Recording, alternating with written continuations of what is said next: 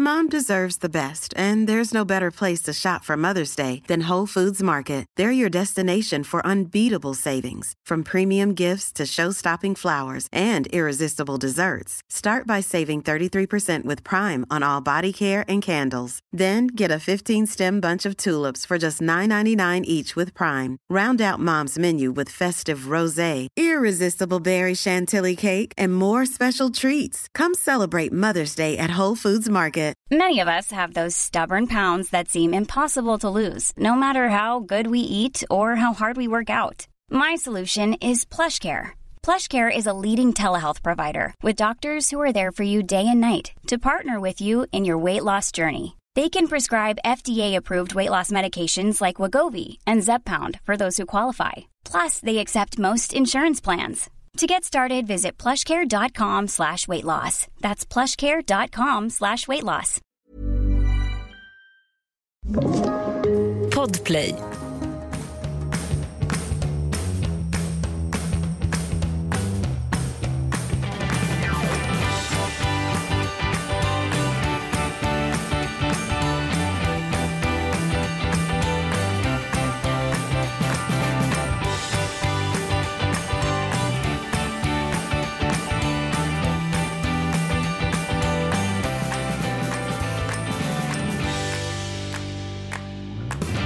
Jag tyckte det var så jävla roligt det där du berättade om den stora, Den stora skammen. den stora hår, eh, hårskammen. Ja, men verkligen. Det hände ju en otroligt komisk grej i helgen. För att jag... eh, Jag är ju en sån som vaxar snippan hemma. Jag, tycker, jag har inga problem med att göra det. Det var Richards fyller bom, bom. Men det betyder också att man måste spara Nu, ut lite. vänta, vänta, nu måste jag stanna här. Du har inga situationstecken problem med att göra det. Vem har haft ett problem att göra det? Nej, men det är många som går på salong och vaxar snippan. Ja, för- jaha, för att jag det gör ont. Jo, jag fattar, men du, du, du har så hög smärtgräns. Exakt. Din lilla rivkatta. Du Aj, aj, aj. Aj, aj. Står jag där? Aj, aj, aj. Fan, det skulle jag aldrig kunna göra. Jag har aldrig gjort det. Nej, men jag tycker jag, det är Richards fyller bom, bom, bom och sen är det klart liksom. Stolt skäggbiff. Stolt, stolt skäggvick. Men för att kunna vaxa snippan hemma så måste man ju också spara ut lite, utan att gå in på för mycket detaljer, för att kunna få bort det. För är det för kort hårväxt, då, det går ju inte. Så det har ju sett ut som trollemord där nere nu. Är det en halv centimeter trollemor för dig? eh, ja, en halv till, till en full skulle jag säga. Oj då. Hojsan svojsan. Stolt trollemor. Stolt trollemor sitter här bredvid. Hur som helst. Så Richard fyller bom, bom, bom. Allt åker av. Allt åker av. Hamnar i papperskorgen bland vaxpapperna där. Inte så mycket mer med det. I, alltså, i papperskorgen i badrummet. Sen kommer Dotra hem, glad i hågen och ska stå och göra någonting inne, någon, inte vet jag vad hon håller på med, TikTok inne på toaletten. Och ska slänga någonting i papperskorgen. Ser då i chock dessa Detta kalhygge! det är dessa håriga ark, man väl säga att det är. Känns lite läskigt. Mamma! Mamma! Vad är detta? Vad är detta? Ja, vad är detta? Hur ska jag förklara det här? Så jag säger att det är min hårväxt på benen. Jag har vaxat mina ben. Men lite senare samma, eh, samma helg så hamnade jag på en tjejmiddag där vi alla, det här är- ämnet kom upp ånyo, som Hans Söderlund brukar säga. Eh, och då så insåg ju vi att vi nästan alla runt bordet hade, hade vad heter det, helvaxade kön. Och eh, varav en kvinna i sällskapet hade en landningsbana. Och den kvinnan var ju glad för sin landningsbana för alla, alla runt bordet ville ha landningsbanan varav en kvinna så här, sa så här jag, jag har ju vaxat alldeles för mycket så jag kan ju inte ens få en landningsbana längre. För när man har vaxat under så lång tid då försvinner ju håret till När sist. SAS går i konkurs, då, hur gör vi då? Hur gör vi då? Och så konstaterades det då under den här middagen att våra dot- döttrar kommer ju bli så otroligt chockade när de växer upp och det kommer hår på Pullirulli för de har ju aldrig sett sina föräldrar, eller mammor framförallt, med hår på Pullirulli. Det kommer ju vara en chock för dem. Inte för mina söner. Jag kommer ihåg, Det är mycket naket. Ilon och jag kör mycket naket hemma. De hade lite... Men alltså det är ju alltid naken. Du är väl naken med mig? Jag vet, jag är en fri själ. Men Du Ilon... kissar med dörren öppen när Joel är hemma. Alltså det är så, du vet, han får Men panik. förstår du hur mycket tid jag har sparat på att inte vara så kvinnlig? Ursäkta? Ja, men alltså, den tiden att hela tiden lock em down, stänga igen, raka muttan, raka benen. Jag har ju suttit där och typ druckit rosado, Och tagit hur kan du då vara arg på att. Mattias inte Kreta. hittar klittan? Nej, men alltså så är Jag har ju liksom en ansad pullerulli. Vad betyder ansad för dig? Jag har ju sett din lilla pullerulli en gång sticka ut genom ett... En liten lugg på pullerulli sticka ut över ett par bikinitrosor och vaja i vinden som en gotlandsrussman. Det var ju liksom inte en ansad pullerulli. Det var ju glada... världskändis i Thailand. Det var glada 3-4 centimeter. Och jag så här, Och du är också så, obe, du är så icke obekväm med det. Så jag bara, Ann! Ann! Rusar fram på stranden och säger till så här. Det ligger Din namne Thai Ann! Han är upprörd över detta pullerullihår. Hela stranden ligger och kipar efter andan. Du, du måste höra på dig själv hur du låter. Jag hade lite så här längre pullerullihår en gång. Och nu pratar En vi... gång! Nej. Jag har sett dig naken 18 gånger. Du har väl Nej. aldrig haft kort på din rullihår? Någon jo, gång? Jo, men jag, jag kör en liten annan faller på. Då är jag en liten plockad eh, anka. Hit och dit. Jag, liksom, jag lägger inte så stor vikt vid det. Nej men det har jag märkt. Men du kan ju inte heller vara liksom, i chocktillstånd när du liksom blir där din respektive då så här, inte hittar klittan med tanke på att det är ju för fan trollemord där nere. Nej, men om det är jag, en om, jag, snårskog. om jag vet att det ska vankas men, ja, men hur ofta vet man det? Då tjejar jag till henne, men hon växer ut snabbt. Nej men alltså jag vet inte. Det här med... Jag, jag vet... Jag, får är, alltså, jag, jag, är jag är avis och chockad Jag i ett. Men tror du inte att det handlar lite om så här, min punkinställning till det kvinnliga normativa? Att inte raka en armhåla eller inte raka benen, det är som att sätta ner foten. Bara. Jag vägrar att liksom sättas in i... Jag får, nu kommer jag Är aldrig inte det där den lata kvinnans största ursäkt? Jo, men Jo. jag tror att det är en blandning också faktiskt. För att jag har ju inte heller liksom satt, ställt mig i det normativa ledet. Och eftersom jag inte gjorde det när jag var liten så tror jag inte att jag är så hårt hållen i det. Sen kan jag ju raka pullerulli varenda dag i två veckor om, om jag tycker det verkar kul. Det är inte så att när jag var nyskild och ah, het på marknaden att jag gick omkring som trollemors avfall. Nej, nej, verkligen inte. Men den gången jag sett dig raka benen i Spanien och det var liksom som mer Stockholms blodbad som kom in. Så förstår man ju att det inte rakas så ofta Gör mig till överhuvudtaget. en utställning. Gör mig till en utställning. När Nicole Josefsson hade gjort de här åderbråcksinläggen och hon hade då skurit upp och tagit bort åderbråck. Det var ungefär den synen som kom in och mötte mig när jag såg dig springa runt på ett hotellrum. Jag du... har heller inga åderbråck. Nej, men jag kommer ihåg, jag tycker det är jävligt intressant. För att det är mycket som våra söner och döttrar inte kommer se som vi såg. De kommer inte se grått hår. Nej, inte alls Många utsträckning. kommer inte se urlakade tuttiluttisar. Absolut inte. Eh, alltså, de kommer inte se så otroligt mycket som är så som människan är skapad. Och då, jag läste en intressant artikel igår. Det var två forskare som skrev så här. Bara för att liksom maten nu, att den nya maten kanske är Eh, genmanipulerad eller uppfunnen som en ny gröda så betyder ju inte det att det inte är bra mat. Förstår lite andemeningen? Och då tänker jag så här, bara för att vi har hittat på den nya sortens människa de senaste 20 åren med botox, operationer hit och dit. Innan har man ju kunnat kamouflera till en viss mån. Alltså sminka över, ha bra gener, se brun ut på sommaren. Ja, du fattar. Nu kan man ju verkligen kamouflera sin ålder. Nej, men häromdagen så skickade du en bild på Nathalie eh, Schuterman. Mm. Och så sa hon så här, I, I have what she's having. Och du säger så här, men gud, är inte det hennes dotter? Hon är väl så här 18 år eller någonting. Du bara, 23. nej, det är hon. Och då blev jag faktiskt lite så här, jag tycker oftast att man kan se. Här är någon som har dragit upp och täckt över och botox och fillers och det. Men här kändes det så här, nej men hon kunde lika gärna vara 18. Mm. Så att vi, vi lever ju i ett liv av liksom den nya människan. Men sen tycker jag så här.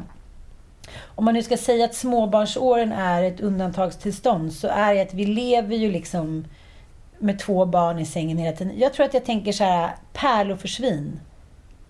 Varför ska jag hålla på och liksom larma och göra mig till när det ändå inte kommer att köras in något tåg närmst? Oj! Det låter ju mer som att du behöver ta ett snack med Matthew. Nej, men vadå? När vi har sex så är det ofta så att det går en snabbis hit och dit och fram och tillbaka. Och liksom, det är inte så här lång älskog hiten och ditan. Nej, men du får ju tänka på att så här, jag har två, en sexåring och en nioåring som bor här varannan vecka. Alltså premissen för sex ser ju lite annorlunda ut hemma hos dig och mig. Du har alltid gästabud av sex i hemmet. Alltså det vill säga fem söner och en man.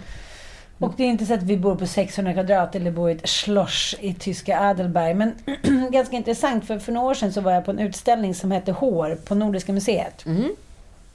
Och den var jävligt spännande eftersom hår används till mycket under krigstider. Man har använt hår i tröjor eller som byxor. Man har liksom inte slängt håret. Och håret är ju väldigt, väldigt, eh, vad ska man säga, eh, det är ju en otroligt stort symbolik, liksom symboliskt värde i hår. Om man klipper sig eller har kort eller om man har cancer och tappar håret. Skilsmässokattet, det känner alla till. gud, det har jag aldrig gjort. Jag kanske Oh aldrig har varit så ledsen. Nej, men det är så många som säger I cut my hair. Varför då? Vem ska du straffas? Han har redan dumpat dig. Det är ju inte en straffning. Det handlar ju om att göra sig av med det gamla. Det finns ju nästan något häxkonstigt i det. Att man bara så vill kapa av det sista. Liksom. Nu är det nya fria kvinnan. Nu börjar vi på ny kvist. Nu vänder vi blad. Liksom. Men jag tycker det var så jävla roligt när jag började dejta igen när jag tog slut med snokfarbrorn. Och eh, man, man umgicks med typ tio år. Alla ni lyssnare där ute, Snokfarbrorn är alltså Hans Söderlunds ex. Redaktionens anmärkning. Ja, fortsätt. Varsågod. Det var inte Sanna Lundell som har myntat det. När jag tog slut med snokfarbrorn, då började jag ju dejta. Och jag, eh, ja, men jag körde nästan speed dating, fast för mig själv. Det var nya karlar i bingen både fredag och lördag varannan vecka. Och då kände jag så här, nej men herregud, det fattar väl vem som helst att det är en generationsfråga. Men, eh, men då var det så här att alla som var liksom eh, tio år yngre var renrakade. Och alla som var tio år äldre hade i alla fall en liten busch. Ja. Och nu vill du att jag ska ha en utvärdering. ja. Ja. Nej, jag klarar inte av denna plockade kycklingpung som man ska smaska och Men slaska. alltså, jag måste säga att det ser, alltså, speciellt när man har söner. Ja, fan, När man har söner som icke har hår runt snorris. Alltså det ser liksom ut som en förstorad barnpitt. Ja, Och vilket gör det så jävla äckligt. jag vet. Men varför tycker du då att det är okej att se ut som en eh, flickpulli? Jag vet inte. Nej, men grejen är, det, är så här, nu ska jag inte till något, något försvar. Jag har alltid en landningsbana. Alltid, alltid, alltid. En liten välansad triangel i form av en landningsbana. Lite mindre triangel, inte hela vägen ut. Men nu var den alldeles för tossig, så nu vill jag bara bli av med alltihopa. Men, eh, men nej, jag är absolut inte försvarbart på något sätt att tjejer också är avvaxade. Däremot så kan jag ju tycka ur ett bekvämlighetsskäl, nu när jag inte har något hår på snippidippi, eh, liksom någonstans, då det, jag tycker det är ganska skönt. Men det kan jag faktiskt hålla med om, att det är skönt att inte ha så mycket hår. Men det blir lite konstigt för mig om jag då kräver att mannen ska ha eh, liksom hår. Eller kräver, jag tycker att det är oattraktivt annars. Men det som hände också under den här datingperioden var ju att jag träffade män som var då väldigt renrakade och jag framstod ju som trollmor i tomteskogen. Och jag märkte att det gjorde dem chockade. Ja men det, Lex Joels och min första bedtime date han var ju typ i någon form av chocktillstånd. Och han retar mig ju fortfarande efter längd utav längden på min pubis. Då. Han har så här, aldrig sett något värre.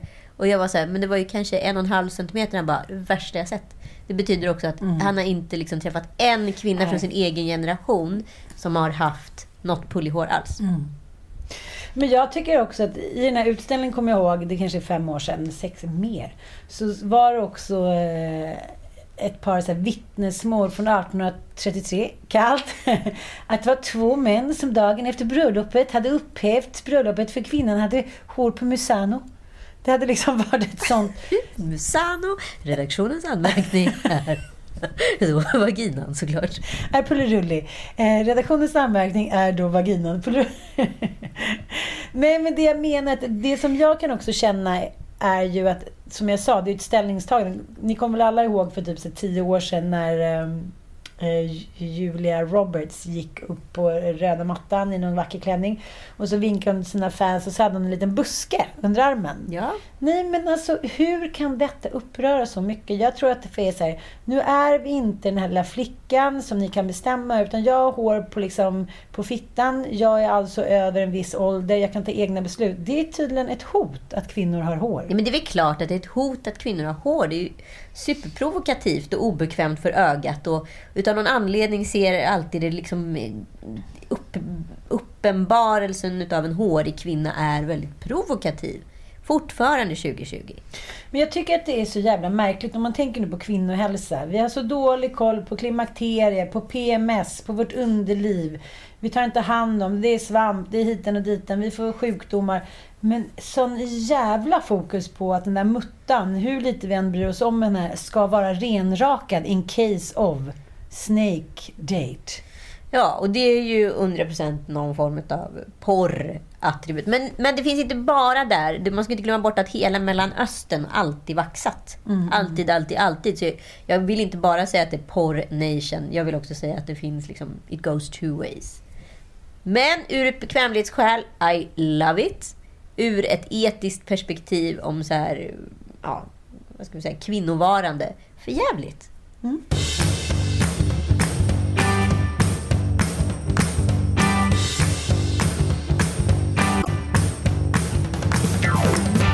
Men apropå kampen om vaginan så har ju Nicole Falciani gjort en eh, uppmärksammad eh, kampanj med Libress som faktiskt blev bortplockad utav Instagram själv. Men någonting förunderligt hände och det är det här jag försöker härleda vad det är för någonting. Så nu får gärna ni, kära följare, vara med på det här lilla tåget och ska hjälpa till. Ska vi lyssna lite på reklamen först? Mm. Jag är kvinna, så jag får inte prata om det här. Men, hörde du vad hon sa? Jag är kvinna, så jag får inte känna allt det här. Jag är kvinna, så jag får inte njuta. Jag är kvinna, så jag behöver inte komma. Ligg med ingen och var pryd. Ligg med flera och var billig. Säg vad du vill och du är för mycket. Säg ingenting och du är för tråkig. Lägg en hand på dig själv och du är för äcklig. Lägg någon annans där och de vet inte vad de ska göra. Min sexualitet har aldrig tillhört mig för att en kvinnas njutning aldrig tillhört henne. Vi får vara sexiga för någon annans blick men aldrig sexuella för vår egen lust. Nu skriver vi om reglerna. Ligg hur mycket du vill, känn hur mycket du vill. Njut av allt du kan. För vi är kvinnor. Och vår sexualitet är på våra villkor. Ja, men den är ju jättefin den här kampanjen. Den jättebra är ju fantastisk. Budskap. Och jättebra budskap. Men det som hör till liksom det märkliga här, det är att kampanjen plockades såklart ner av Instagram, för den är ju ganska, vad ska jag säga, sexig. Och de kan ju som vanligt inte tolka vad som är positivt och negativt. Men vadå? Den enda scenen där jag känner att hon har gått över gränsen för Instagram, det är när hon ligger med sin lilla donut och pillerillar, men man ser ju ingenting.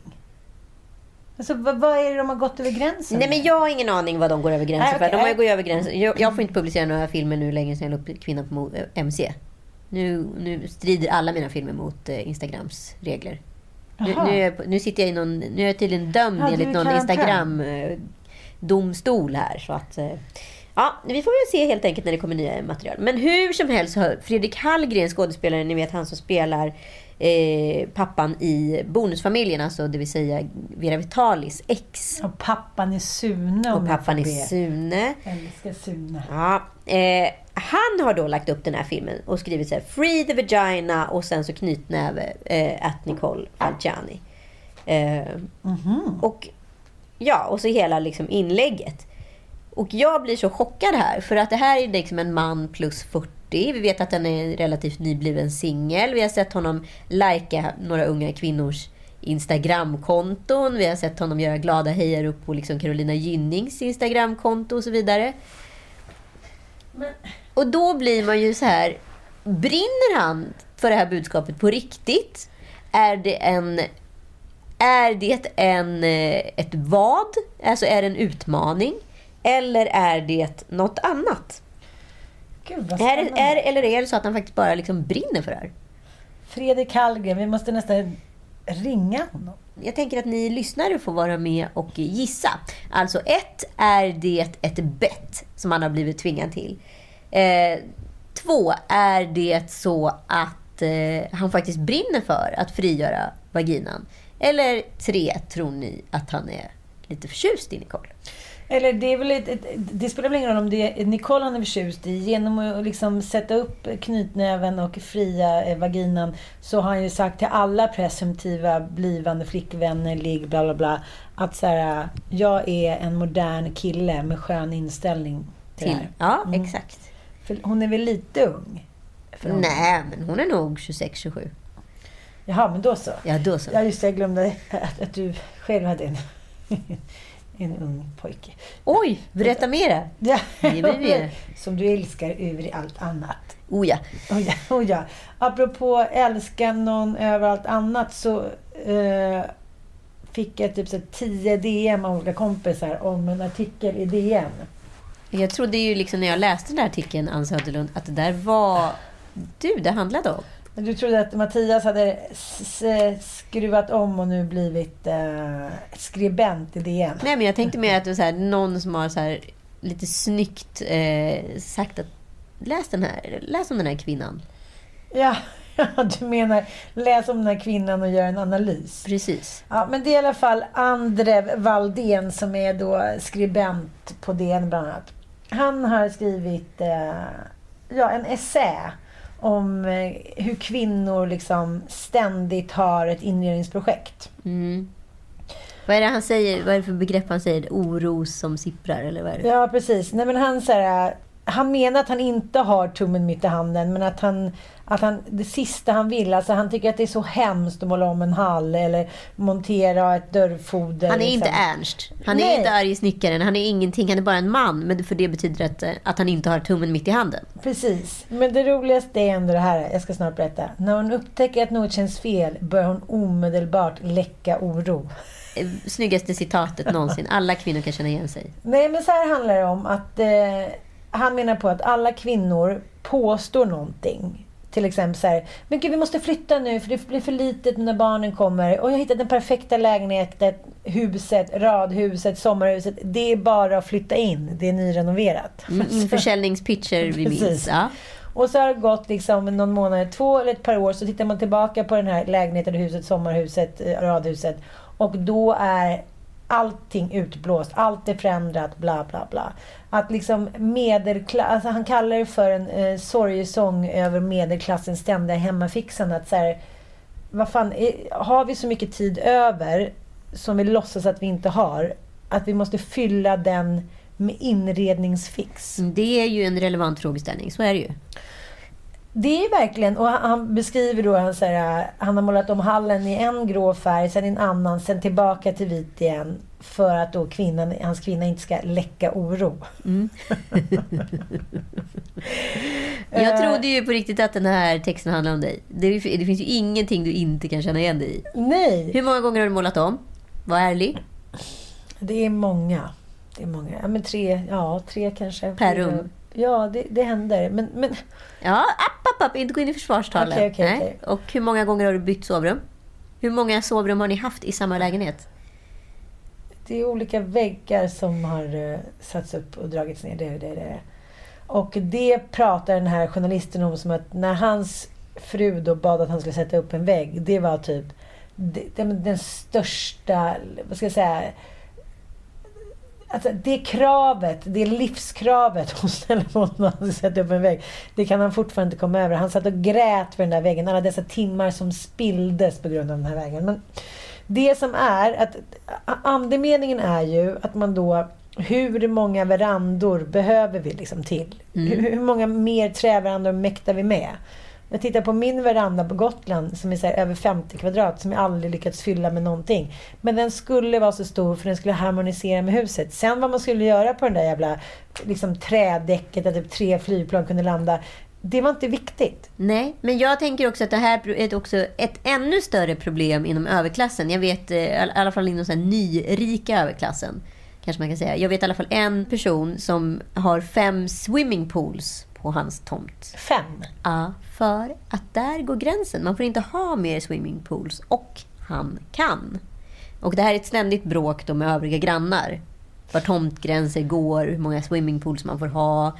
Det är otrevlig stämning i området på grund av dessa pooler och eh, ja, var tomtgränser går och så vidare. Och det här tänker jag att ju mer pengar man har, vilket medelklassen är första liksom anhalten på, desto me- mindre tid behöver man lägga på sånt som faktiskt är nödvändigt. Och när du är uppe i överklassnivån, då kan du också så här, köpa dig problem genom att skapa fem pooler, exempelvis. Men jag tänkte på vår kompis, eh, kompis Jessica Lasse som har bott... Eh, är det i Malaga? Ja. Ja. Och så skrev hon ett inlägg häromdagen. Hon bara, men jag fattar inte. Man kommer hem till Sverige och man har inte mer att göra. Nästan mindre. Men man har aldrig tid över. Man har inte tid att så boka upp och träffa väninnor. Man inte, allting känns som det är ett jävla pågående ekorrhjul där allt är under stress. Mm. Och jag tänker att det har blivit något fint för liksom medelklassen. Att så här, man ska alltid vara upptagen med något nytt projekt, med något hiten och diten. Jag tror det läskigaste som finns idag är att säga att man inte har något att göra. Ja, Det är, alltså, det är en folksjukdom. Precis. För att det är liksom, det, det är så läskigt att misslyckas med det övriga livet och det här kan vi alla vara framgångsrika i. Precis. En och det- renovering kan alla vara framgångsrika i. Det För det är bara copy-paste från en jävla tidning. Och det vet man ju också hur stressam en renovering är. Mm. Alltså den är, det är ju fruktansvärt jobbigt. Jo Det tar ju jättemycket tid. Jag skulle ju för fan... Om någon hade swishat mig en femma för vad alla snickare jag har träffat sen i då hade jag varit mångmiljardär. Nej men det är någonting som slog mig så mycket också i den här essän. Det är när han säger så här, hur hans fru jämför honom med andra män. Ja. Om du bara kunde vara lite mer som Niklas och Peppe, typ, som bara älskar att hjälpa sina fruar och göra saker och ting bättre. Liksom. Att hon, han, det här lika med tecknet med att när man bygger någonting så älskar man sin familj. Just det, precis. Att man kunde liksom... Att det inte egentligen alls hänger ihop, men man får det att vara som samma ekvation. Precis. Och jag kan inte bestämma mig för om det ändå inte är det. Nej, men det här kan ju jag då med faktiska medel säga att det här var en... Vad ska jag säga?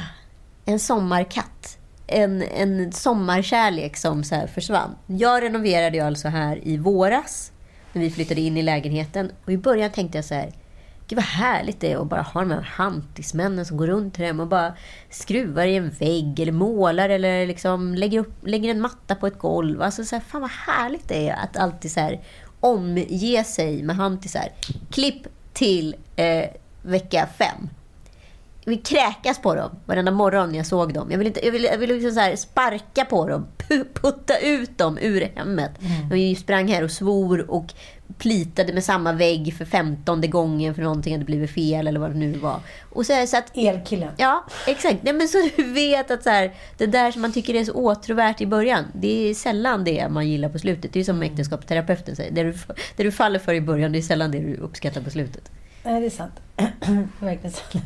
men, men, men samtidigt så finns det, verkar finnas en liksom medelklass. Alltså, om man tänker bara för hundra år sedan så var det ju bara överklassen som hade tid att överhuvudtaget ägna sig åt inredning. Jag menar, I bondesamhället så bodde man ju 17 personer med en gris som biten i stjärtamentet klockan sju på morgonen.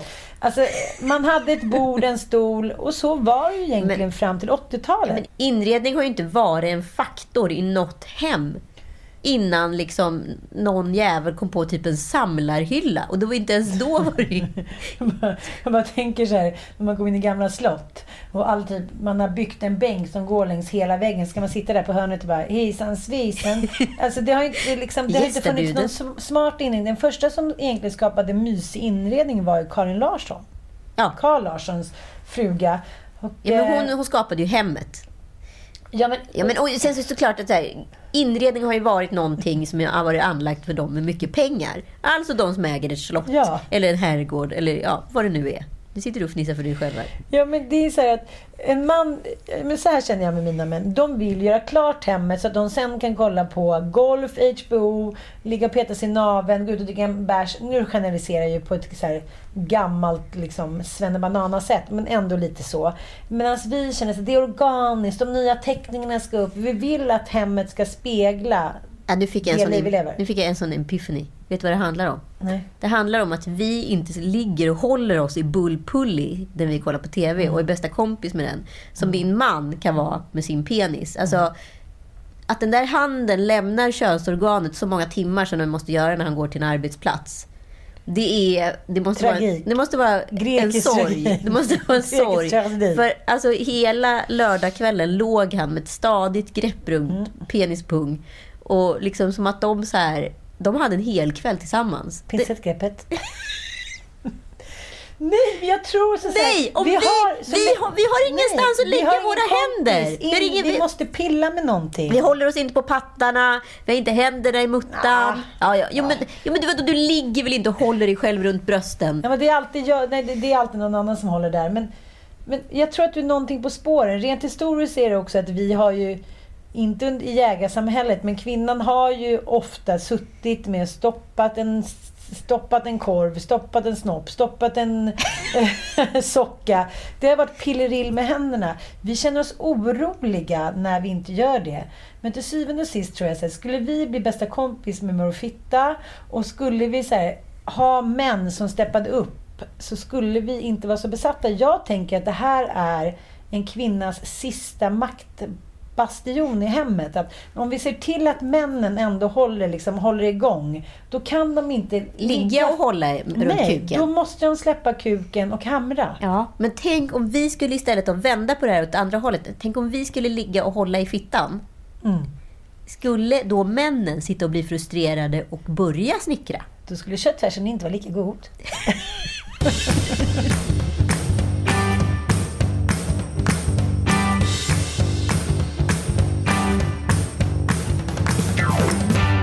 är också någonting som jag tycker i alla tider är så jävla osexigt. Och jag ser det överallt varje dag bland mina kompisar. Män som vi inte tycker levererar, därför sipprar vi oro, ilska och sen kommer den stora utskällningen. Då blir de rädda. Då ligger de där med snoppen, vankas lite. Eh, och sen när man kommer hem då så står det så här, blommor för tusen spänn på bordet, det är humrar och det är bubbel hit och dit. Och då försöker jag säga till mina män, inte bara Mattias, att så här, det känns ju lite konstruerat. Att jag för två timmar sedan fick ett, så här, ett utbrott så här, du kan lika gärna lämna skeppet, hej då. Och nu helt plötsligt så är de här blommorna här. Det känns ju nästan som att jag vill torka mig med de här blommorna i röven. Det så såg det ju inte ut på Instagram. Nej, Det är men dubbla sen så, budskap här. Jo, men efter ett tag så tänker man så här, äh, nu har han i alla fall liksom toppat. Nu har han engagerat sig, nu har han visat att den Han är goda till och med viljan. lite lik Pierce Brosnan. Men du är så elak, han är ju en kopia Nej, men av du Pierce måste Brosnan. skoja med mig. Det är Jag som att du säger att liksom, dina barn är de vackraste barnen på jorden. Nej, det, Det är de ing- också, det är ja, de men också. ingens barn är de vackraste barnen på jorden. Det är, liksom lika, det är som att jag skulle sitta och säga att Joel är liksom lik... Osenis. Nej men alltså förstår du, George Clooney, det är lika apart. Alltså, han är inte lik Pierce Brosnan. Okej, men han är i alla fall lik Jim Carrey. Ja, mer Carrey än Brosnan. Och tycker du att Jim Carrey och Pierce Brosnan har några likheter? Men jag tycker att han är en blandning av Pierce Brosnan och Jim Carrey. Och Björn Borg med ögonen. Okej, det Kärt kanske... barn har många namn. Alltså det är så roligt. men, men kan du vara med mig där att det blir ju inte sexigt och härligt när någon säger mamma skällde ut sin pojke och sen kom han tassandes Nej, men med det är ju tydligen det enda sättet som funkar för de fattar ju ingenting. Alltså vad är det för fel? Nej, men jag är trött nu på snubbar som inte fattar. Nej, men då finns det någon snubbe som fattar. Nej, men det är det jag menar. Så här, ja, Andre Walden. Men när man ska säga, det sipprar ju ändå ut mellan raderna att ni hellre vill sitta på kammaren, hålla på snoppen och kolla på HBO. Än att ett, jobba, två, göra förbättring för er familj, tre, sätta på er fru. Det är det, nej, ni, ni slöa för ni har er kuk. Cut your penis off och ni kommer bli piggare. Oj! Det här var Kastratsamhället ska tillbaka!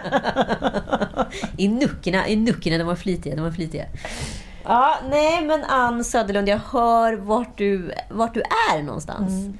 Jag är benägen att hålla med. Jag är benägen att hålla med. Men jag tänker också att så här, vi kanske gör för mycket. Är vi, bara, liksom, är vi flitiga lisor helt i onödan? Är det här kanske ett arv från Duktiga flickor-klubben snarare? Duktiga flickor-klubben som liksom var så trötta på killarna i elevrådet som inte gjorde någonting. Men de skulle få vara med och, och, assistera, men de skulle inte få vara med och bestämma. Ni måste se på sommaren 85 på SVT där Lotta Telje spelar Barbro tillsammans med Mats Blomgren som spelar eh, Sixten som då är mamma till dottern Lena som spelas av Erika Bromé. Den, den trion är väldigt väl konstruerad. Mm. Och då pappa Sixten då, som kallar då Barbro för mamsen. Du vet när en kvinna har slutat upphöra vid sitt verkliga namn och blivit då mamma även till pappan i familjen, eller maken i familjen. Jag försöker att Mattias var pappis några gånger. Var fan. Ja.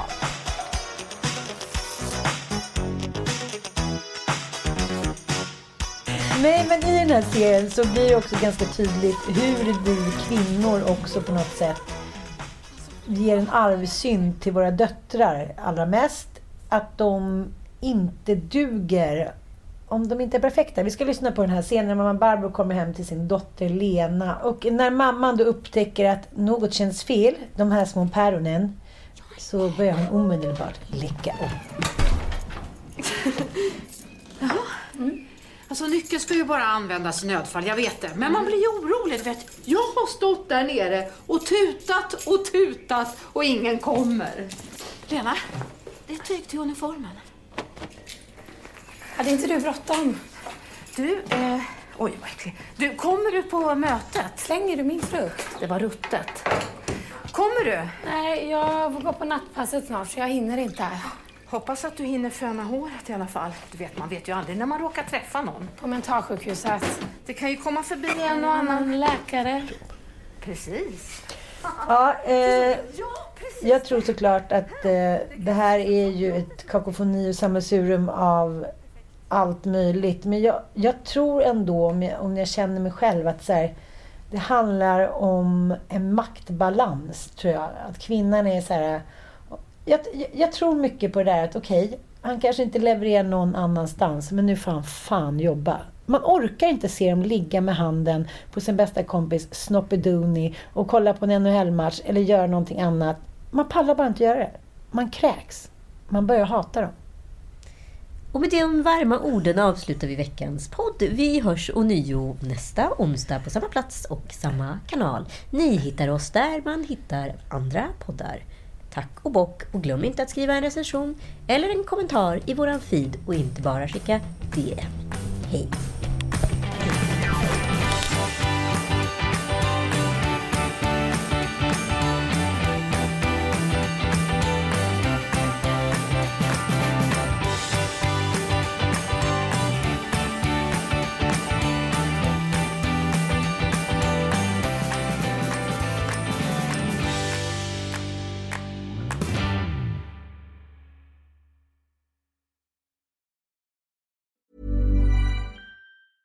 A lot can happen in the next three years. Like a chatbot may be your new best friend. But what won't change? Needing health insurance. United Healthcare Tri Term Medical Plans are available for these changing times. Underwritten by Golden Rule Insurance Company, they offer budget friendly, flexible coverage for people who are in between jobs or missed open enrollment. The plans last nearly three years in some states, with access to a nationwide network of doctors and hospitals. So, for whatever tomorrow brings, United Healthcare Tri Term Medical Plans may be for you. Learn more at uh1.com. Hey, it's Paige DeSorbo from Giggly Squad. High quality fashion without the price tag? Say hello to Quince. I'm snagging high end essentials like cozy cashmere sweaters, sleek leather jackets, fine jewelry, and so much more. With Quince being 50 to 80% less than similar brands. And they partner with factories that prioritize safe, ethical, and responsible manufacturing. I love that. Luxury quality within reach. Go to quince.com slash style to get free shipping and 365 day returns on your next order. Quince.com slash style.